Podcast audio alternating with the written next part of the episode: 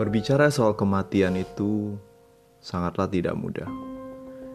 Hal yang mengundang pilu, duka, dan juga perpisahan dengan orang yang kita cintai. Hal yang semakin diperparah adalah tidak bisa lagi kita melihat orang yang kita kasihi lagi di kehidupan ini. Bangsa Yunani, layaknya juga bangsa di mana pun di dunia, juga menghindari apa yang kita sebutkan dengan kematian. Alam maut yang di luar pemahaman akal budi manusia ini berusaha dijelaskan dalam suatu personifikasi yang disebut dengan Hades, sang dewa maut, penguasa alam maut, dan juga nama dari alam maut itu sendiri.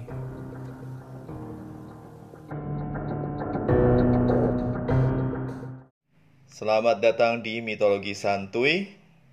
Tenang aja, kalian gak nyasar. Tadi barusan cuma prolog yang lumayan nyeremin karena gue memang lagi iseng-iseng aja. Karena ada hubungannya dengan topik yang kita bahas hari ini yaitu karakter dari salah satu Olympian senior yaitu Hades. Hades sang penguasa maut. Kakak dari Zeus dan juga Poseidon dan merupakan salah satu ancient gods. Gimana kabarnya kalian semua hari ini? Tentu pasti udah oke-oke aja ya. Walaupun kondisi sekarang kita masih work from home dan adik-adik sekalian yang masih belajar sudah mulai masuk tahun baru ajaran. Kita berharap situasi akan semakin membaik dan kali ini kita akan dengerin lagi cerita tentang salah satu dewa ini. Nah, um, begini.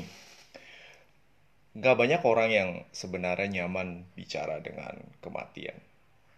Um, gua sendiri sebenarnya kurang suka berbahas tentang uh, yang hal-hal yang sifatnya dengan kematian. Gue nggak gitu suka kalau misalnya pergi ke rumah duka atau lain karena memang it's just you know um, it sends a really um, scary and also uh, sad kind of a feeling. It's it's um, it's the place yang selalu gue hindari kalau misalnya uh, nggak uh, perlu atau gimana gue nggak gitu pergi perkenalan pertama gue dengan kematian itu ketika waktu kakek gue meninggal dan itu waktu gue masih kelas 2 atau kelas 3 SD dan perasaan gue sangat sedih karena gue cukup deket dan hal seperti ini bikin gue kayaknya rada-rada takut untuk pergi ke um, rumah duka dan lain-lain. bukan karena gue takut setan atau takut hal-hal yang sifatnya supranatural, tapi gue lebih takut dengan perasaan dukanya itu sendiri. Perasaan kehilangan dan perasaan yang mendadak datang, peristiwa yang tidak terduga datang dan langsung mengambil atau merenggut orang yang kita kasihi. Demikian juga bangsa Yunani sebenarnya. Jadi um, Hades, ya, bagi kebanyakan bangsa Yunani, mereka ini kurang kurang gimana ya? Bukan kurang hormat, hormat sangat takut malah sama mereka ini sampai mereka itu tidak berani ngucapin namanya. Jadi kalau bisa Hades itu mereka menyebutkan dengan nama lainnya yaitu Pluton. Ya, Pluton yang artinya kekayaan. Nah, selain dari dewa kematian, ya, jadi uh, Hades ini juga merupakan dewa kekayaan karena alam yang dikuasainya yaitu alam maut di, selalu diasosiasikan dengan di bawah tanah dan di bawah tanah sana banyak sekali harta kekayaan seperti emas, eh, perak dan berbagai logam mulia lainnya yang bikin semua mengasosiasikan kalau itu punya Hades gitu. Sebelum gua cerita terlalu jauh, lebih baik gua cerita awalnya. Nah, Hades ini adalah anak dari uh, Kronos dan Rhea yang juga menjadi korban kanibal dari bapaknya yang ditelan hidup-hidup karena memang takut anaknya bakal um, kudeta. So dari para Olympians yang ditelan telan sebelum dibebasin Zeus, Hades ini sebenarnya anak cowok paling tua. Yang lain adalah anak perempuan, contohnya Demeter, Hestia, dan juga Hera. Nah, setelah keluar dari perut bapaknya, setelah dibebaskan oleh uh, Zeus melalui cairan racun anoreksia yang bikin orang muntah. So, Hades kemudian ikut serta Zeus dalam pemberontakannya melawan para Titans dan juga ayahnya sendiri. So, setelah menang dari peperangan melawan para Titan, Hades ini mendapat wilayah alam maut.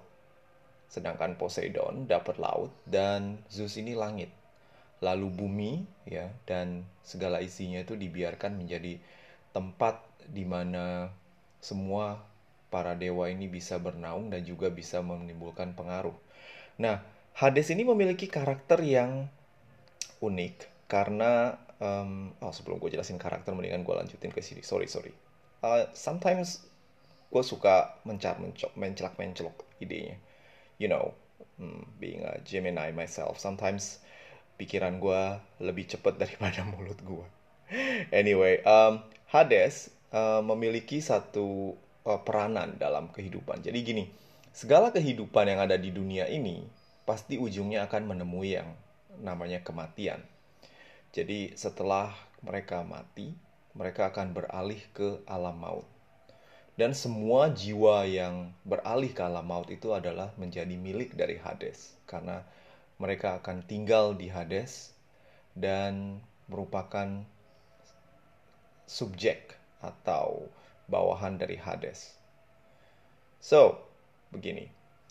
Kita jelaskan karakteristiknya. Oke, Hades juga um, uh, karena dia juga salah satu dari Olympians, dia memiliki banyak kemampuan dan juga salah satu uh, atribut yang sangat ditakuti oleh orang adalah Hades ini memiliki satu topi atau uh, jubah tak terlihat. Jadi kayak Frodo waktu dia pakai cincin of doom itu loh.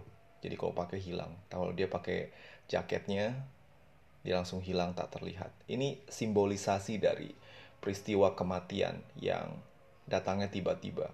Jadi seperti Hades merenggut nyawanya tak terlihat, demikian juga kematian itu tiba. Jadi tiba-tiba langsung meninggal, sudden death. Nama Hades sendiri itu artinya yang tak terlihat. Dan seperti yang gue bilang di awal dari podcast, kalau kebanyakan orang Yunani ini nggak berani ngomong namanya, nggak berani menyebutkan namanya karena uh, menyebutkan namanya atau memikirkan tentang Hades, mungkin tiba-tiba nanti kalau Hades kepikiran kayak uh, denger ada yang nyebutin namanya, nanti nyawanya diambil. Jadi mirip apa ya? Oh mirip itu tuh.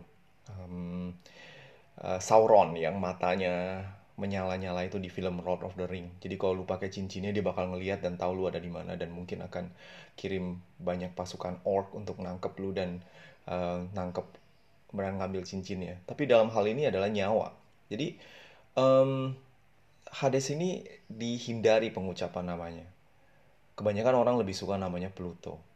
Dari tadi gue sebutin namanya Hades. Jadi kalau di kemudian hari atau besok-besok lu nggak dapetan postingan ini lagi. Gue nyalain Hades. Mungkin gue dibawa ke alam sana. Oh. Anyway. Nah le mereka lebih sering menyebutkan nama Hades dengan Pluton yang artinya uh, kekayaan. Jadi Pluto ini uh, atau Pluton ya adalah dewa kekayaan karena kandungan mineral berharga yang ada di bawah tanah sana.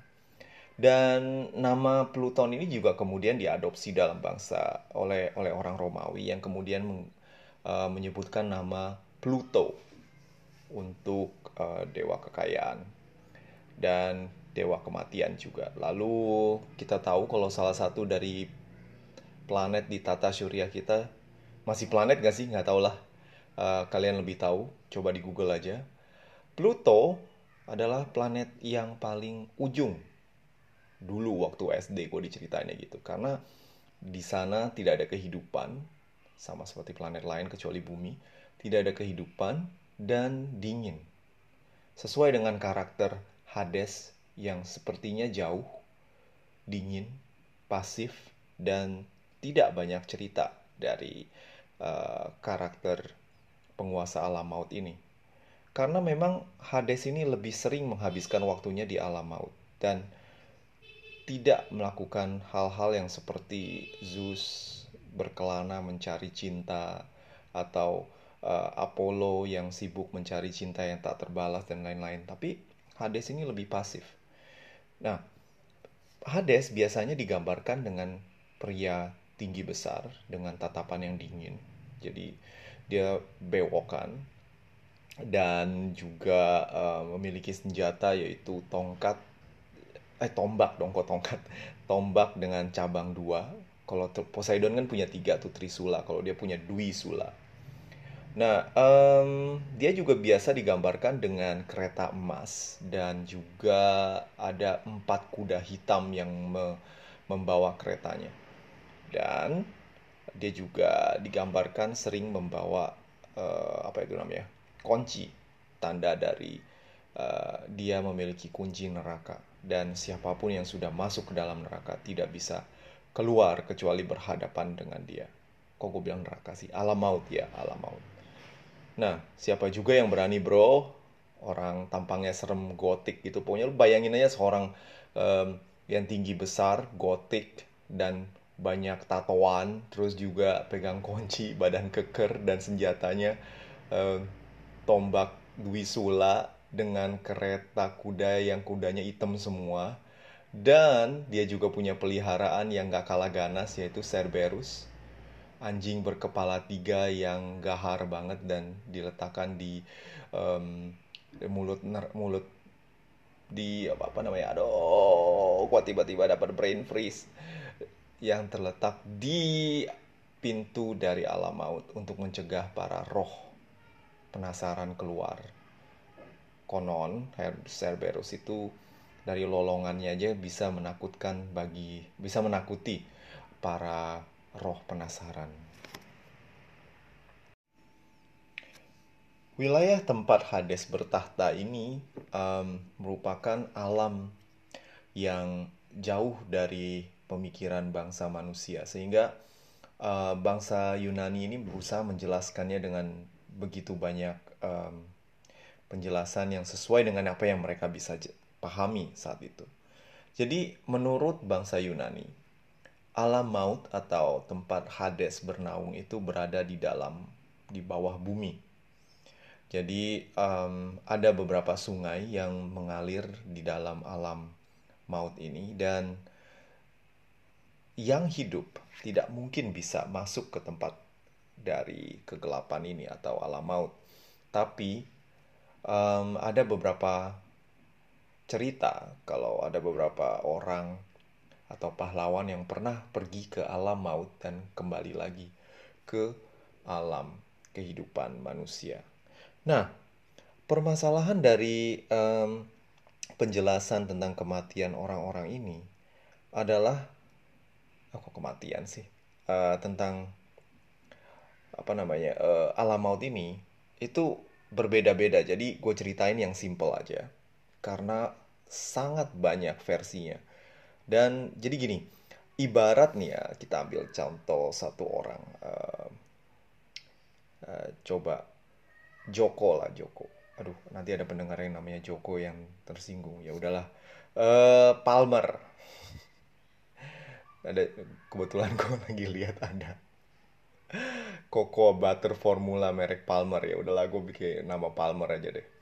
So Palmer misalnya dia meninggal dan dia orang uh, yang hidup di Yunani kuno. Jadi ketika dia meninggal lalu um, rohnya akan mengalami yang kita sebut dengan perpindahan.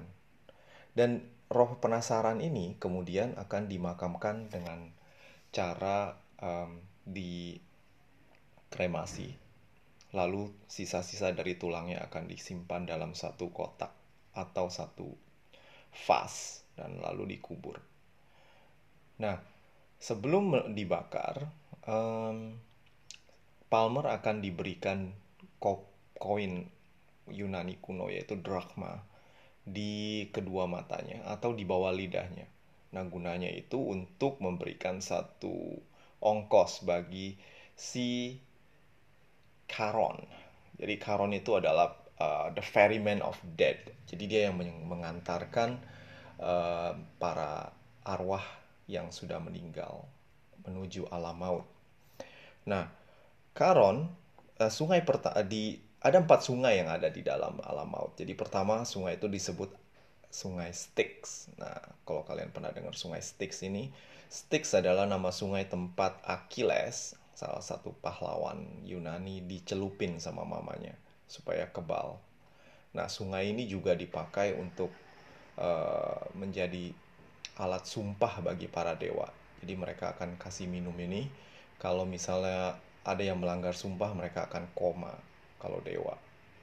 Nah, Karon akan menerima uh, apa namanya upah dari jenazah tersebut, dari arwah tersebut dan kemudian diantarkan ke bagian lain.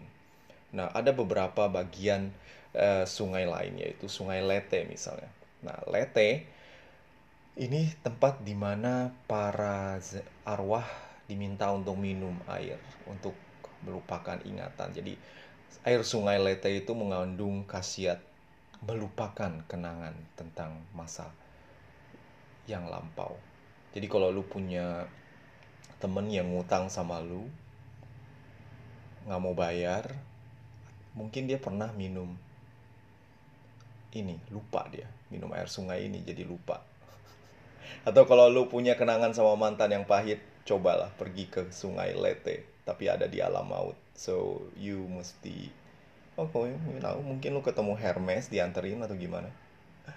Lupakan kenangan masa silam nah selain sungai Lete ada juga Plegeton nah, kalau Plegeton itu sungai yang penuh dengan lahar dan juga Acheron yaitu tempat para uh, arwah itu kemudian melalu, uh, menyeberang setelah melalui sungai Lete.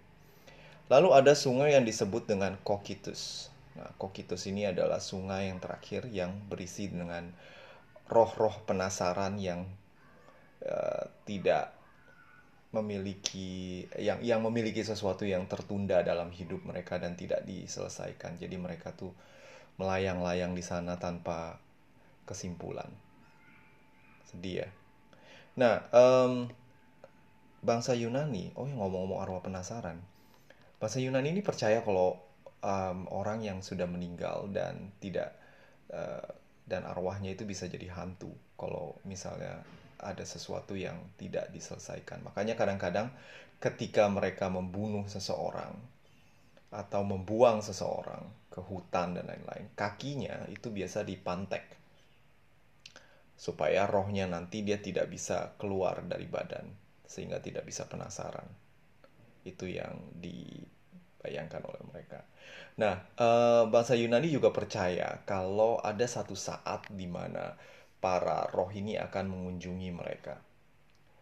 Dan ada satu festival yang mirip dengan festival Chengbeng di Cina yang juga uh, mengantarkan uh, yang juga kurang lebih sama dengan Chengbeng atau the, the Festival of the Dead di Meksiko, di mana orang-orang um, di Yunani itu menyediakan makanan dan juga menyediakan tempat duduk kosong untuk mereka ketika mereka makan.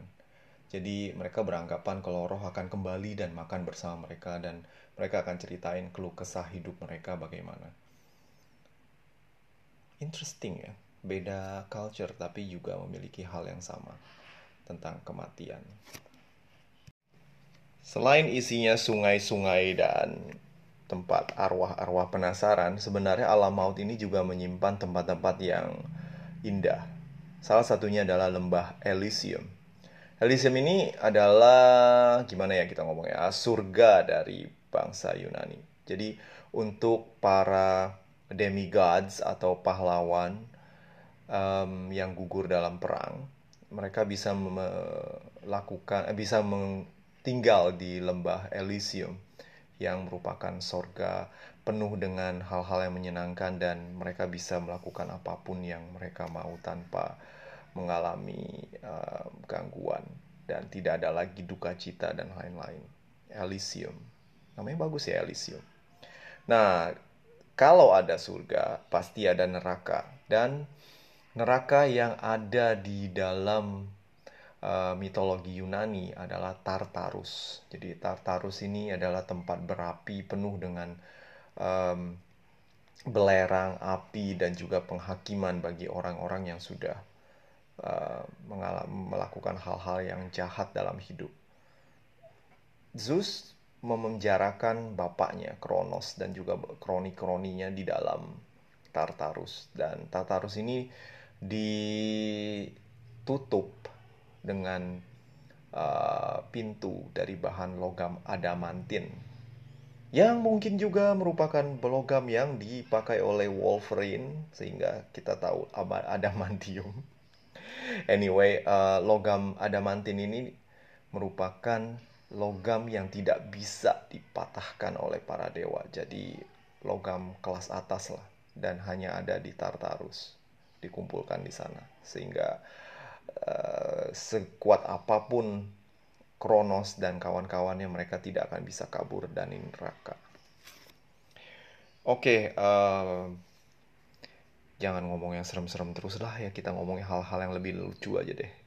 Susah tahu kalau ngomongin tentang alam maut karena bawaannya lu mau bikin yang sesuatu yang gotik yang creepy yang sangat sangat serem tapi ujung-ujungnya lu nggak mau bikin pendengar lu pada kabur kan Anyway, um, jadi kita balik lagi ke kisah cinta Hades seperti biasa. Nah, nggak seperti kokonya yang rada-rada playboy yang tukang main cewek dan suka banget uh, ngebang cewek di mana pun dalam bentuk wujud apa pun. Hades ini uh, memiliki sifat yang kayaknya agak frigid ya, jadi agak dingin dan dia nggak gitu mungkin setia kali ya. Jadi satu saat uh, eh, gue cuma ketemu dia punya dua kisah asmara dari uh, sedangkan kalau Zeus kayaknya hampir semua ya. Dan dari um, Hades kisah yang paling terkenal adalah kisah dia menculik Persephone. So, begini. Persephone itu adalah anak dari Zeus dan Demeter. Entah bagaimana mereka bisa punya hubungan, tapi Zeus yang kemudian berhasil mendapatkan anak dari Demeter, menamakan anak cantik berkulit mulus ini bernama uh, Persephone. Nah, Persephone ini bersama ibunya adalah dewi dari musim dan pertanian. Jadi mereka berdua terus uh, mendatangkan hasil bumi untuk kelangsungan hidup dari manusia bersama dengan mungkin bersama dengan Zeus yang mendatangkan hujan karena dia bisa mendatangkan awan dan kalau lagi marah kilat guntur tapi dia juga mendatangkan hujan dan juga dengan Apollo yang menyinari lahan basah dengan sinar matahari yang kemudian menumbuhkan tanaman. Nah, uh, pada satu ketika Persephone ini diculik oleh Hades yang memang uh, sudah kepincut semenjak pertama kali melihat yang uh, Persephone yang sebenarnya adalah keponakannya ini. Jadi setelah diculik lalu dibawa ke alam maut. Demeter nyari-nyari nggak ketemu dan akhirnya Demeter mogok marah karena setelah Helios, sang matahari memberitahukan kalau anakmu diculik oleh penguasa alam maut. So, dia mogok nggak mau mendatangkan musim. Dan yang terjadi adalah kekeringan dan tidak ada pangan yang lahir.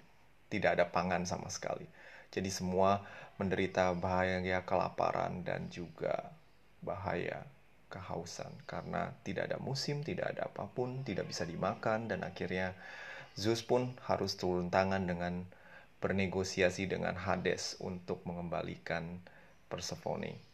Namun akhirnya mereka punya uh, semacam apa namanya uh, arrangement ya uh, kompromi di mana Hades dapat bersama dengan uh, Persephone selama dua musim, ya. Lalu dua musim lain dengan ibunya. Jadi ketika Persephone bersama dengan ibunya, itulah saatnya musim semi dan musim panas. Sedangkan ketika bersama dengan Hades, musim gugur dan juga musim dingin.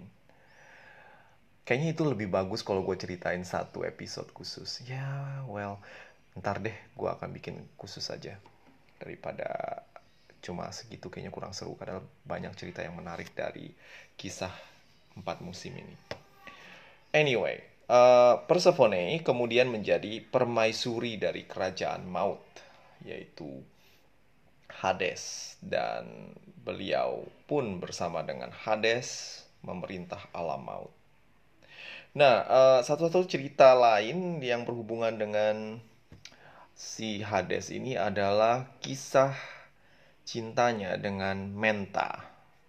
So, Alkisah ada satu perempuan. Jadi ini cerita terjadi setelah uh, Persephone sudah menjadi istri dari Hades. Seorang peri sungai Kokitus yang namanya Menta ini jatuh cinta dengan Hades yang sering lewat. Jadi ketika Hades lewat dia naksir dan kemudian Menta ini mendekati dan menggoda si um, namanya Hades. Nah, dia berupa berusaha menjadi pelakor tampaknya. Dan karena mungkin ditinggal sama uh, Persephone dua musim, jadi dia kesepian Menta pun kemudian uh, dijadikan semacam pelampiasan rasa kesepian oleh Hades.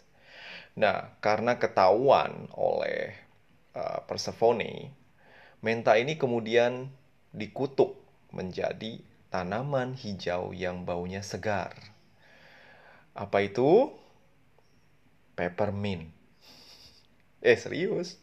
Jadi, ketika um, dia Persephone mengutuk Menta, Menta kemudian berubah dari gadis cantik menjadi se jadi tanaman yang kemudian di, selalu mengeluarkan bau yang harum. Nah, peppermint ini juga merupakan bagian dari ritual dari orang uh, yang sudah meninggal. Jadi kalau mau dikubur itu harus dikasih beberapa herbs ya salah satunya adalah menta. Karena menta ini ada hubungannya dengan kematian. Mungkin untuk mengurangi bau jenazah kali. Dan sampai saat itulah menta ini diasosiasikan dengan kematian. Waktu tahun 2014 gue pernah ke Turki selama dua minggu. Jadi gue jalan-jalan solo traveling dan Waktu itu gue pernah ke tem tempat yang namanya Hierapolis yang terkenal dengan Pamukkale itu loh yang putih-putih yang kayak salju tapi bukan salju. Nah, kalau lu pernah lihat iklan dari tour Pamukkale, lu bakal ngeliat juga kalau misal lu pergi ke sana, lu bakal pergi ke tempat yang namanya Hierapolis karena uh, letaknya ada di atas dari tebing putih yang namanya Pam Pamukkale itu. The Cotton Castle. Anyway, um, bukan tempat itu yang gue bahas sekarang, tapi adalah reruntuhan yang ada di dalam Hierapolis. Hierapolis ini kota spa yang dibangun oleh bangsa Romawi, tapi juga dulu Yunor bangsa Yunani juga tinggal di sana. Dan hal yang menarik adalah di reruntuhan ini ada satu yang disebut dengan Temple of Hades atau Plutonium. Nah, plutonium ya, bukan bahan yang untuk bikin radioaktif dan lain-lain. Tapi ini adalah temple dari sang penguasa maut. Nah, um, waktu gue ke sana gue gak ketemu karena gue gak nyadar kalau bangunan ini emang ada dan gue nyesel banget nggak sampai ke sana. Dan waktu tahun lalu gue ke Pamukkale gue nggak sempet ke atas karena cuacanya panas banget dan gue lagi bawa tour.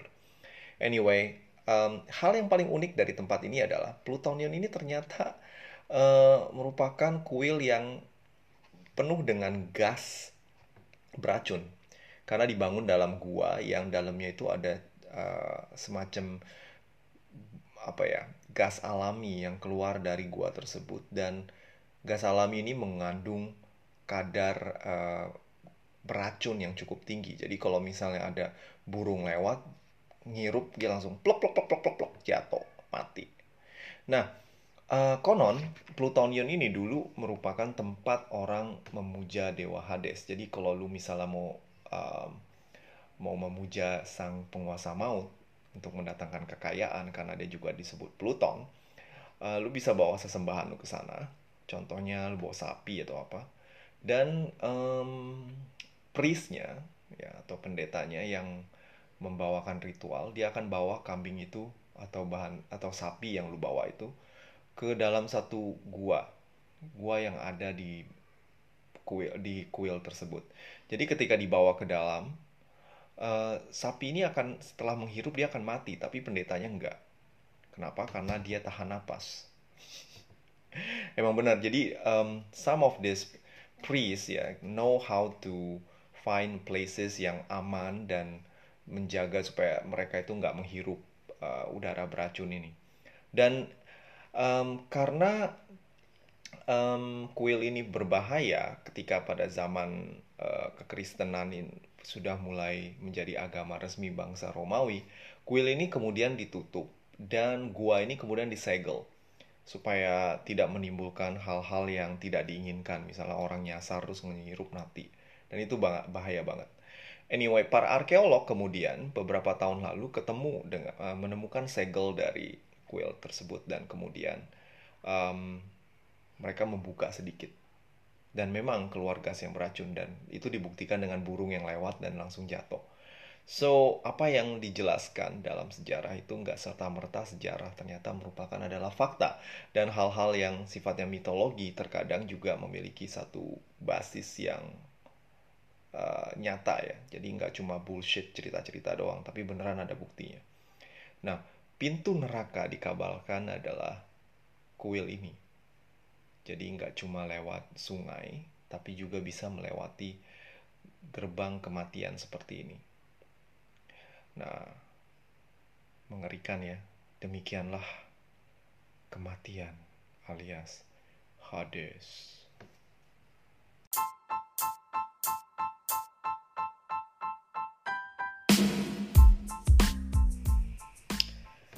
Ah, selesailah gua membahas topik yang cukup mengerikan ini. Selanjutnya gue ngomongnya yang lebih light aja deh. Males tahu ngomongin kematian. Oke, sekarang saatnya surat pembaca. Gue salah melulu ya, kenapa ya? Baca. Surat pendengar. Uh, seorang pendengar bernama Tia. Ini ngasih saran yang cukup bagus uh, tolong dong Pak Guru kalau misalnya ada wisata, tempat wisata yang ada hubungannya dengan mitologi Yunani disebutkan biar kita juga uh, interested gitu loh. Mungkin bikin satu episode untuk menceritakan uh, apa relevansinya tempat ini gimana perginya kan jadi kayak episode jalan-jalan gitu. Um, ya boleh juga sih ide yang bagus. Mungkin lain kali gue bisa bahas tentang beberapa tempat yang pernah gue kunjungi kalau belum kunjungi gue nggak berani. Soalnya gue nanti dibilang bokis lagi bohong-bohongan aja. Tapi ya uh, di kemudian hari saran yang sangat bagus dia terima kasih. And selanjutnya apalagi ya? Uh, ya karena sekarang gue udah mulai masuk kerja dan sekolah sudah dimulai. Mungkin uh, beberapa episode akan uh, tidak seintens kemarin ya. Gue mungkin kemarin-kemarin minggu-minggu lalu gue bisa terbitin setiap hari satu atau mungkin dua hari sekali. Sekarang gue akan coba um, publish setidaknya dua episode seminggu. Tergantung dari kesibukan yang gue alami. Ini aja gue lagi makan siang sebenarnya. Gue cuma colong-colong waktu sebentar untuk rekaman. Untung work from home Oke, okay, uh, eh, kalau kalian punya unek-unek atau pengen nyampein kritik atau saran atau masukan, lu bisa hubungi gue di guru kelana 007 at gmail.com atau lewat Instagram gue, Instagram, YouTube, Facebook, semua bernama Guru Kelana. Terima kasih semua ya. So, see you on the next one.